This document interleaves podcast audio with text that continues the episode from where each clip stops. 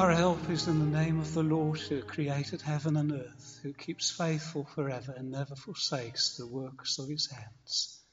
In the name of the Father, the Son, and the Holy Ghost. Amen.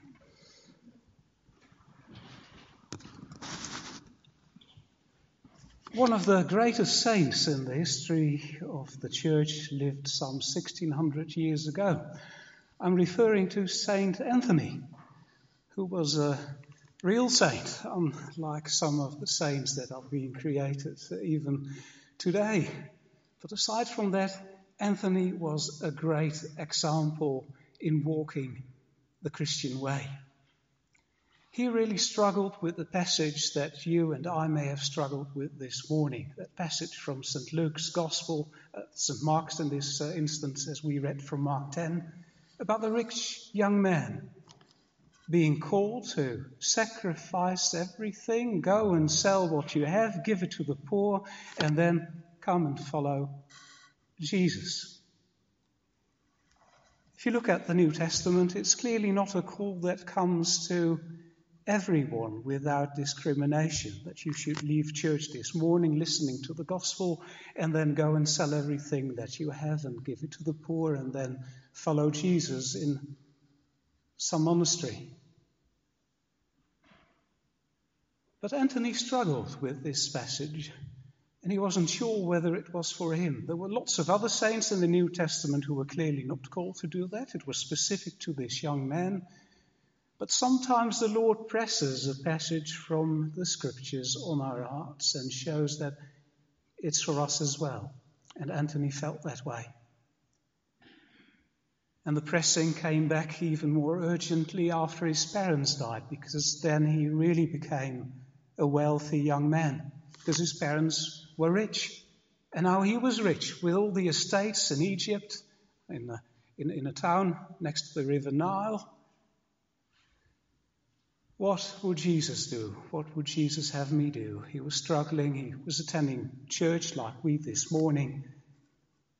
And the gospel passage that was read on that occasion. And they didn't have lectionaries in those days. So it wasn't premeditated was Mark 10. Jesus and the rich young man go and sell everything that you have. And that closed, uh, closed the deal for Anthony. He went, he sold everything that he had, gave it away to the poor. He reserved a portion for his uh, younger sister who wasn't married yet and had to be taken care of. So Anthony was a responsible saint, not reckless. But then he set out for the desert became a great example to the church of all ages in seeking God, in prayer, counseling other believers. A true saint who had to give up everything because of the demands of the gospel. That's possible that the word of the Lord does that in one's life, robbing us, as it were, of everything. But it can also happen in a different way. If you paid attention to the, the first reading from the Old Testament, that's from another saint of old, Job, Job 23. It's on page 813 in your, your Bibles if you want to follow the full chapter because our reading didn't contain everything. Page 813. Job has lost everything also because of the word of God ruling this world. God had allowed Satan to literally take everything from Job his estates, his house, even his children. All of them died. And then also Job's health. He just had his wife left, which is important and which was a grace, but spiritually it wasn't any help because she looked at things and said, if you serve this kind of God, rather curse him and die. Job didn't follow that advice. I think he cursed the day of his birth, but not God. Losing everything in your spiritual journey. That's what Job did. And the ultimate reason behind it, if we read the, the book of Job, is that God allowed Satan to do his worst, just not take Job's life. What kind of a God is that? Can you trust God who is powerful, who is almighty, and doing these things? Or shouldn't we say farewell to Christianity as a result? Job has some friends, and those friends are uh, helpful. They take off work, they in, in, invest their money in an indirect way, and come and sit with Job and give him advice. But they were of a certain kind of school of Christians that we also find today. They were the sort of people who said, Job, you just need to read your Bible and then search your heart and found, find out what you've done wrong. And then you need to confess it to the Lord. You need to pray a lot and you have to give money to the church and then God will restore you. Have a need, plant a seed, and you'll be successful and prosperous. That's the context of this chapter. And now Job is going to respond. In 23. Even today, my complaint is bitter.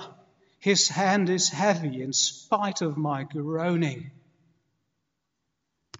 There's a beautiful parallelism if you look at it in some of the original languages, both in the ancient Greek and the, and the Hebrew. The old Bible that the church used for centuries was the Greek, very literal translation of the Hebrew.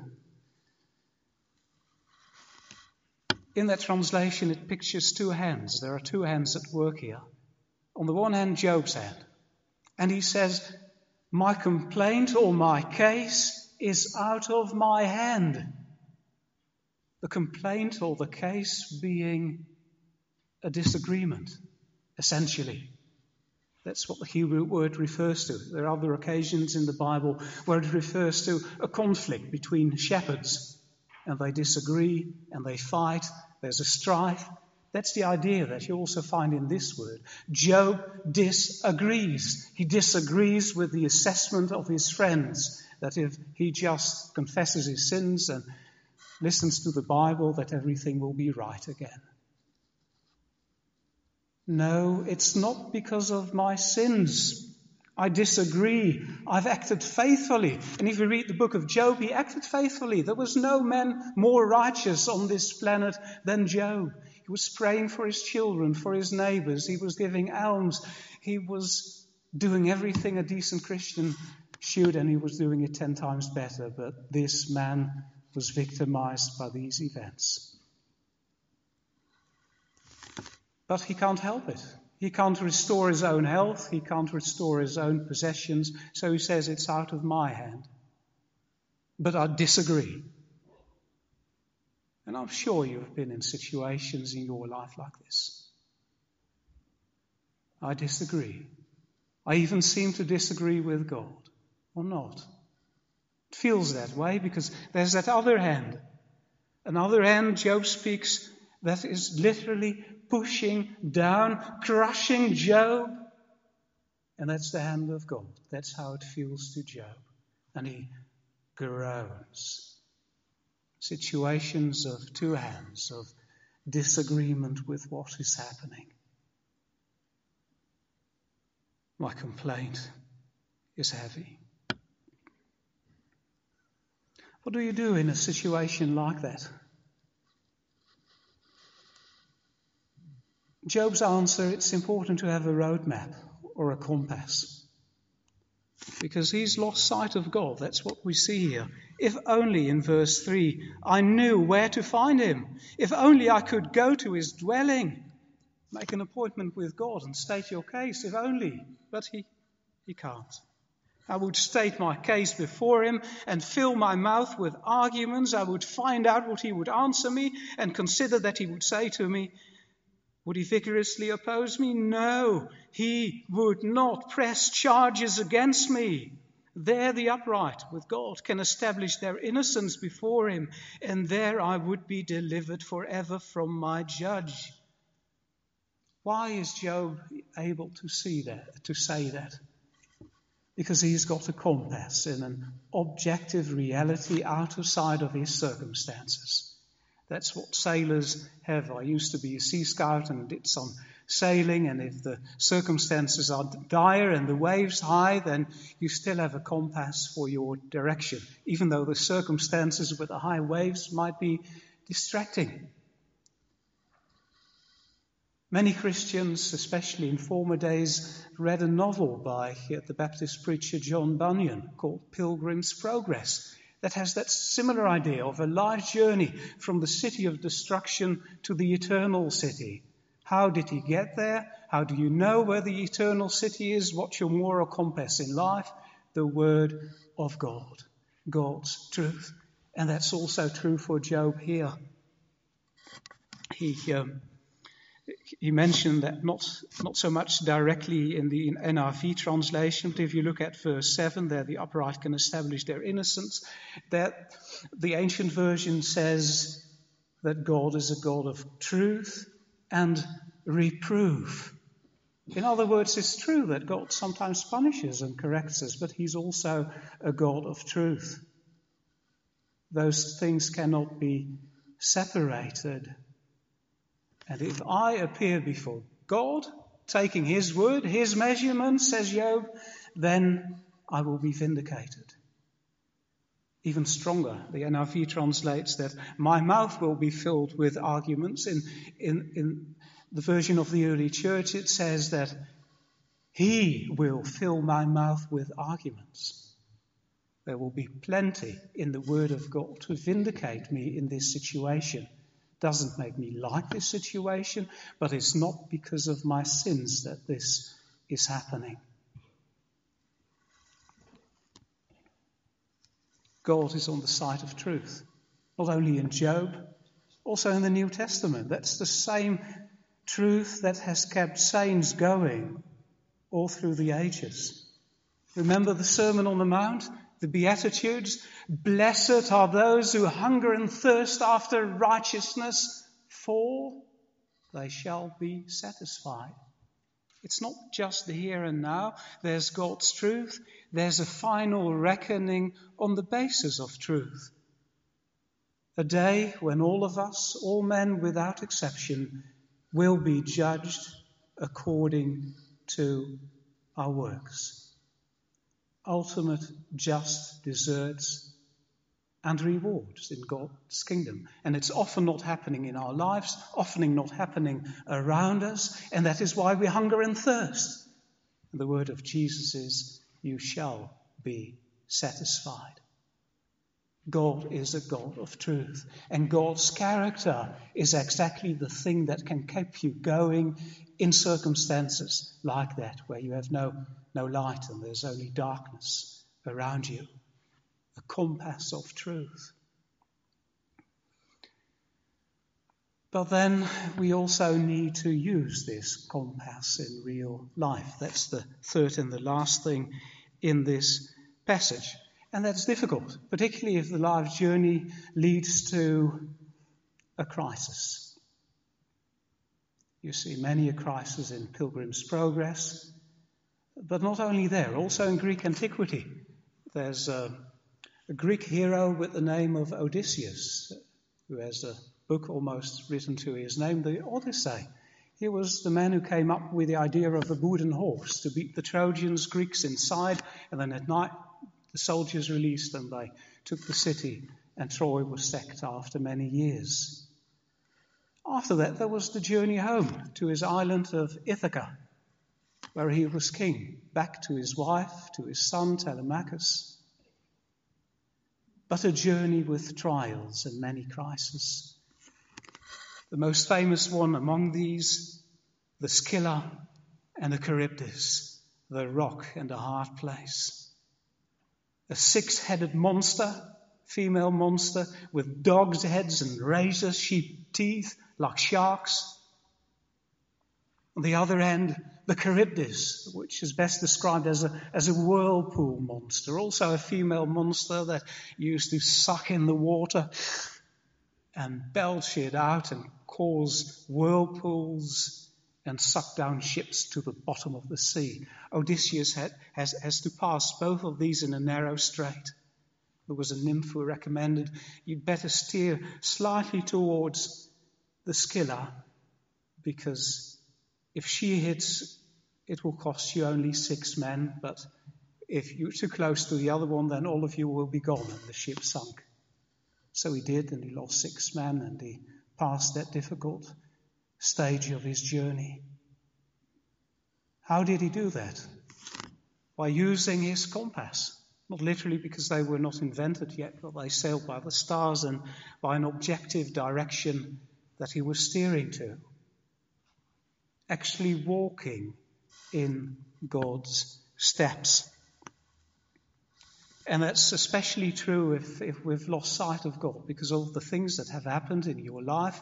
You're not sure whether there's a God up there or whether He's involved in your life because there's so many things that you cannot explain and that hurt. Job was in that situation. Verse 8 If I go to the east, he is not there. If I go to the west, I do not find him. When he is at work in the north, I do not see him. When he turns to the south, I catch no glimpse of him. But I know that he knows the way that I take. Verse 10 When he has tested me, I will come forth as gold. My feet have closely followed his steps. In his steps. It's the title of another English novel, also a very popular one in a previous generation, a book by Sheldon. We still know it because of the acronym. What would Jesus do? It's that question that a minister in a local town started to ask and also answer. It's not sufficient to have a compass, to know the truth, but we also have to walk in it, in his steps. Not only asking the question, but the people answered it and started acting like it. Because of that, the whole town and all of the churches there change. And that doesn't immediately change your situation, but it gives you a course, it gives you a purpose in life, even when you walk in darkness and have no light, as Job does here.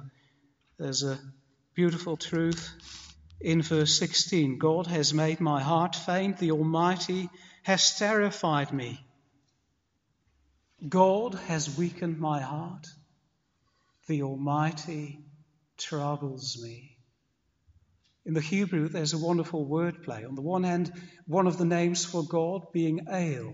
El refers, as in El, refers to God being someone in position of power, in authority. The Bible also speaks about the council of the gods, and then it refers to kings. God has power, authority. He's able to speak and make a difference. It is He who weakens my heart in this situation because God can change everything, but He doesn't right now. And that makes my heart weak. That's a discouragement.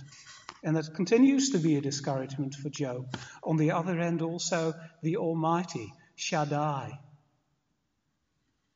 who's supposed to be in control of everything, and if that's the case, if he's truly almighty, and the scripture teaches that, then that is hard to reconcile with my present circumstances. That continues to be the case for Job as he is sailing past the Scylla and the Charybdis.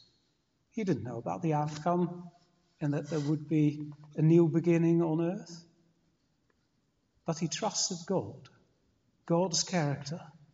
God is good and he steered accordingly. In the name of the Father, the Son, en de Heilige Geest. Amen.